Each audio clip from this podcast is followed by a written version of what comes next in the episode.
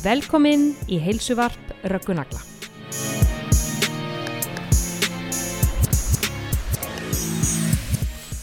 Ég er sálfræðingur með master í heilsusálfræði frá University of Surrey í Breitlandi og kandatspróf í klíniski sálfræði frá Kaupmannhafna háskóla. Ég hef eh, nöldrað á netinu, skrifað pislar og greina og alls konar um heilsutengt málefni síðan árið 2005 svo ég er steingerfingur í fæinu um, ég gaf út uh, heilsubók Röggunagla árið 2015 og þar er dreyið saman tíu ár af ráðleggingum verkfærum um sálfræði, um mataræði, um reyfingu og auðvitað gómsætar sigurlausar uppskriftir. Í þessum hlaðvarpstáttum þá ætla ég einmitt að fjalla um ástriðu mína í lífinu sem að er góð heilsa og allt sem að uh, fylgir góðri heilsu. Því góð heilsa er besta gjöfin sem við gefum okkur sjálfum og við gefum okkur þessa gjöf okkur um einasta degi með þeim venjum og ákverðunum sem við tökum. Góð heilsa er ekki bara það að vera laus við sjúkdóma. Góð heilsa er líkamleg, andleg og félagsleg velíðan og undirstaðan til að lifa innihaldsríku og gefandi lífi. Því ef að heilsan ekki til staðar, þá eru við ekki góðar manneskur. Um, góð heilsa, hvað er, hvað er það? Hvað, hvað, hvað felur þetta hugtak í sér? Það er að geta gert það sem við viljum þegar við viljum. Við viljum geta nýtt líkamann til allskins góðra verka á þeim tímapunkti sem við þurfum á því að halda. Til dæmis að standa í lest og þurfa allt í einn að snara handfarangurinnum upp í farangurshólfi fyrir ofan okkur. Þá getur nú verið gott að vera með sterkar axlir eftir axlapressuna í crossfit. Góð heilsa er að hafa orku og löngun til að fara út og hitta vinnina. En ekki bara klæða sig í joggaran og, og tegja sig í fjárstyringuna og horfa Netflixa sem eftir í kvölds að því við erum algjörsamlega búin að því.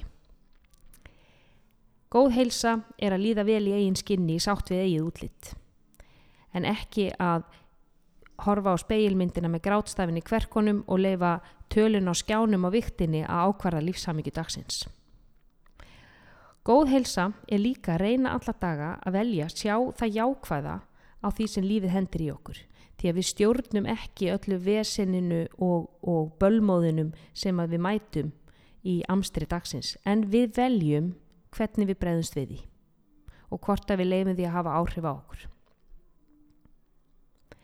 Í þessum þáttum ætla ég að tala um allar þar ákvarðanir sem við tökum í kringum mataræði, hreyfingu, svefn og streytustjórnun og aðra lífstilstætti sem ákvarða heilsun okkar.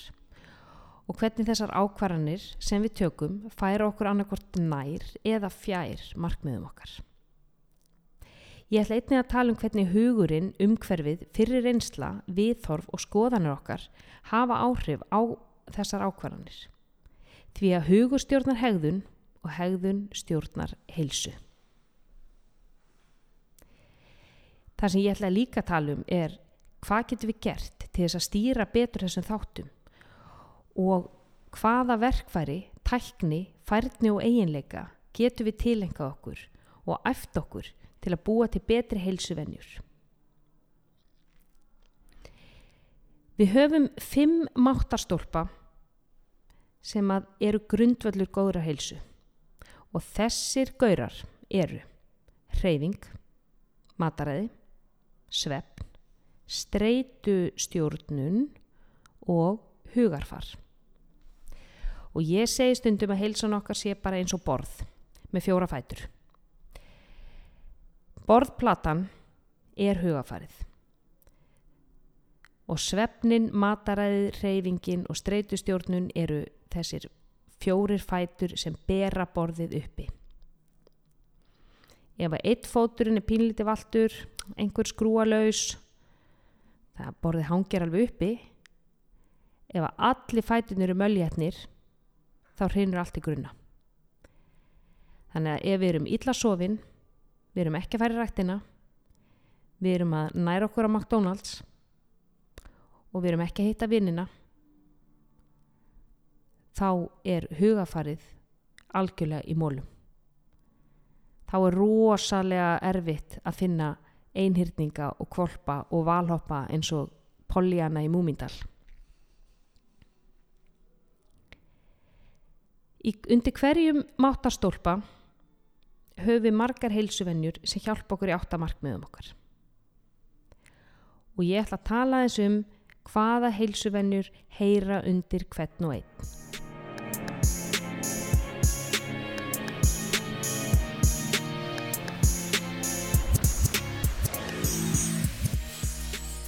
Ég ætla að byrja að tala um hreyfingu. Heilsuvennjur þegar kemur hreyfingu er að æfa reglulega 4-5 sinnum í viku. Það er mjög gott að stunda styrtaþjálfun á svona miðlungs til hárri ákjæfð og það er, er undir bara hverjum og einum komið hvað er, hvað er miðlungs til há ákjæfð. Um, fyrst og fremst er samt að finna hreyfingu sem okkur þykir skemmtileg. Því ef okkur finnst hún ekki skemmtileg þá erum við ekki að fara að sinna þeirri hegðun. Það vita auðvitað allir á ammaðir að reyfing er góð fyrir hjart og æðakerfið, hún er góð fyrir að stjórna blóðsikrunum, hún er góð fyrir miðtögakerfið.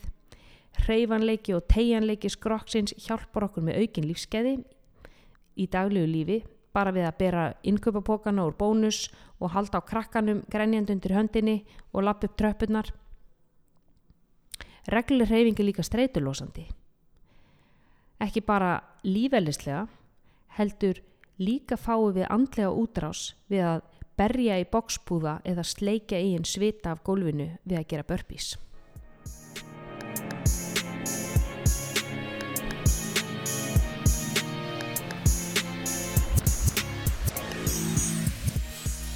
Næsti máttarstólpi, góðra heilsu, er mataræðið. Og það er heilsuvennur sem heyra undir mataræðið er að borða heilar afurðir, það er að velja mat sem hefur bara eitt innihald ekki langan innihaldsmiða sem að þar sem að uh, lýsingin er eins og að lesa leslistan í Hogwarts skólanum hjá Harry Potter. Því ef við getum ekki borið fram orðin sem standa á innihaldslýsingunni þá getur þið rétt ímyndað eitthvað hvort að líka minn viti hvernig hann er að ferla, melda og brjóta niður Að borða vel samsettar máltíðir sem er innihalda kolvetni, prótín og fytu hjálpar blóðsikrunum og gerir hann stöðugan. Því að þegar við borðum kolvetni einu og sér þá stýgur blóðsikrun og insulinnið en þegar það komi prótín og fyta þá bara BOOM! Hann hakkast ekki. Önnur heilsuvenja er að borða 3-4 máltíðir á dag, finna fyrir hungri allavega svona 60 mínúti fyrir máltíð því að þegar við erum svöng þá opna bræðlökana og við finnum meira bragð. Það hjálpa líka meldingunni að leifa hungrinu að koma því að þá er, þá er mægin tilbúnari til að taka móti fæðinni. Hvað við borðum hefur áhrif á þarmaflóruna, það hefur áhrif á bakteríuflóruna, það hefur áhrif á sjúkdóma og allra, alla almenna heilsu. Hvernig við borðum, það skiptir nefnilega líka máli. Ef við borðum mjög hratt, tiggjum lítið, hendum niður einhverjum hálftugðum uh, tæjum niður í kokið að þá segir mægin byttu fyrirgeðu átti þetta ekki að gerast þarna uppi? Og ég er að fara að tæta þetta allt saman niður hér? Þannig við erum að þjöstnast á meldingunni þannig að þegar við borðum hratt annars hugar þá borðum við líka stundum og mikið. Ef við borðum hægt og rólega tiggjum matin oft og vel þá erum við að hjálpa meldingunni Ef við borðum hægt og án áreitis í kringum okkur og erum bara til staðar í máltíðinni, þá erum við að njóta þess, við erum að skrá máltíðina inn í harðadrifið í hausnum og við erum að hlusta á settumerki líkamanns og hættum að borða þegar við erum passlega sött.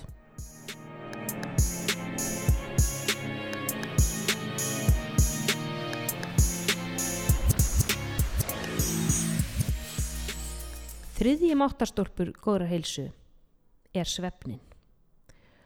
Ég er sérstakur svefnpervert. Ég elska að sofa. Ég tók sérstakka kursa í svefnsálfræði bara af einskerum áhuga og, og eigin forvitni. Alþjóða heilbriðismálastofnin vil meina að svefn sé jafnvel mikilvægri heilsuþáttur en matarað og reyfing. Heilsuvenjur þegar kemur að svefni er að sofa í 7-9 tíma nóttu. Konur þurfa oft meiri svefn, við þurfum oft meiri eða minni svefn á mismunandi æfiskeiðum í lífinu. Eldra fólk þarf oft minni svefn, þannig að við þurfum að hlusta á líkamann þegar kemur á svefnþörf.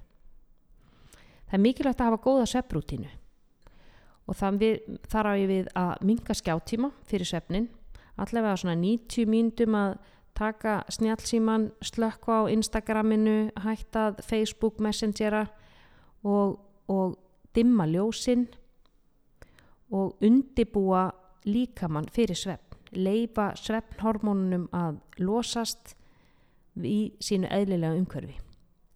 Hafa herbyggi kallt og dimt til við sofum og reyna að fara snemma að sofa. Rannsók sem var gerði Harvard, hún síndi að þegar hrausti karlmenn voru sviftir svefni í heila viku þá byrjuðu þeir að sína enkenni síkusíkis bara eftir sjö daga að söfleysi. En þegar þeim að lift síðan að sofa aftur eðlilega þá gengur þessi enkenni tilbaka.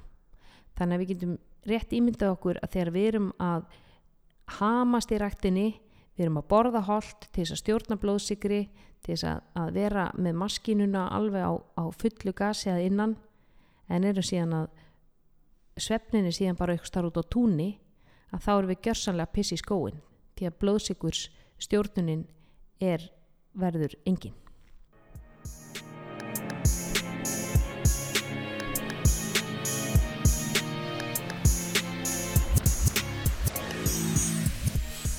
Fjóruði máttastólpur, streytustjórnun.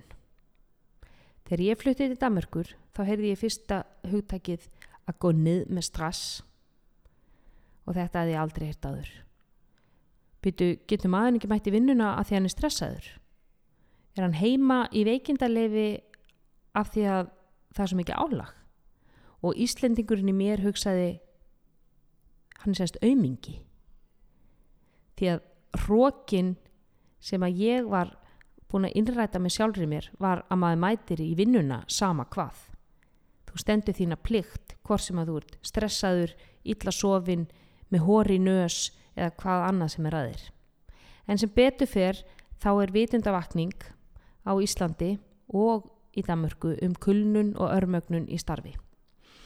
Og við erum að átt okkur betur á því að vera með yfir þyrmandi verkefnalista og deadline og að sækja og skuttla og berjast eins og ljón í setnipartstrafíkinni að það hefur áhrif á ekki bara andlega heilsu heldur líkamlega heilsu og það veldi, veldi því að við bugumst.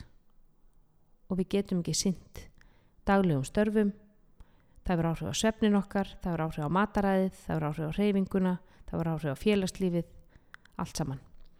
Þannig undir streytustjórnun fellur okkar sjálfsrækt.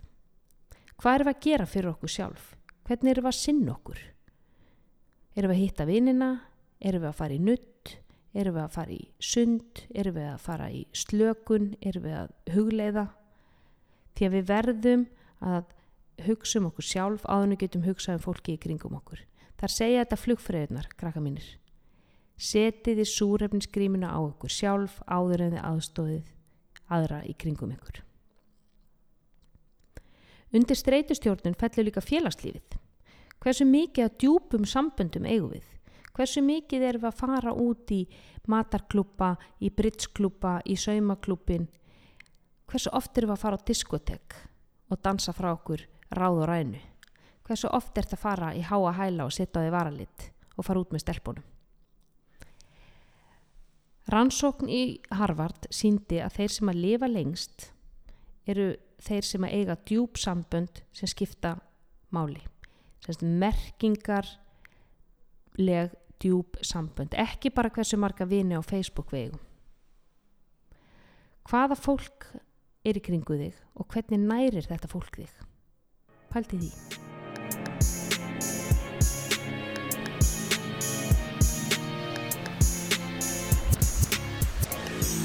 Fymti og síðasti mátastólpin er hugafarið. Og þetta er mikilvægasti þátturinn af öllum jákvægt hugafar skiptir öllu máli. Því að hugsanir okkar, hvernig við hugsum, það hefur áhrif á tilfinningarnar og tilfinningarnar hafa áhrif á hvernig við hegðum okkur og hegðunin hefur áhrif á heilsun okkar. Ef við erum nonni neikvæði, gagvart mataræði og reyfingu og hugsun, oh, þetta minn aldrei virka, þetta er svo erfitt og ömulegt, það skiptir engu máli hvaða elítu prógram þú ert með í höndunum. Þú ert aldrei að fara að fylgja því, þú að eru ekki trúa því, þú eru ekki trúa sjálfuð þér, þannig að það er aldrei að fara að virka fyrir þig. Ef hins vegar við prumpum glimmeri yfir einhverju miðlungsprógrami, hei, þetta er frábært, þetta mun virka. Þá myndu fylgja því og það sem þú fylgir og það sem þú getur haldið við til langstíma það er það sem að mun skila þér árangri.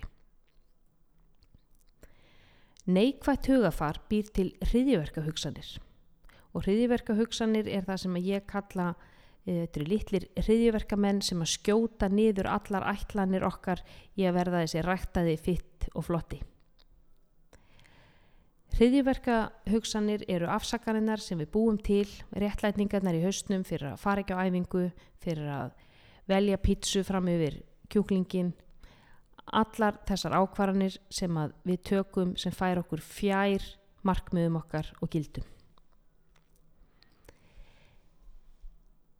Hugafarið, að vera jákvæður, sjá þið jákvæða, að ídæburt neikvæðum hugsunum, að reyna að skrifa niður hvað er í þakkláttu fyrir hvað er það sem að veiti mig gleði í staðin fyrir að horfa alltaf á því neikvæða.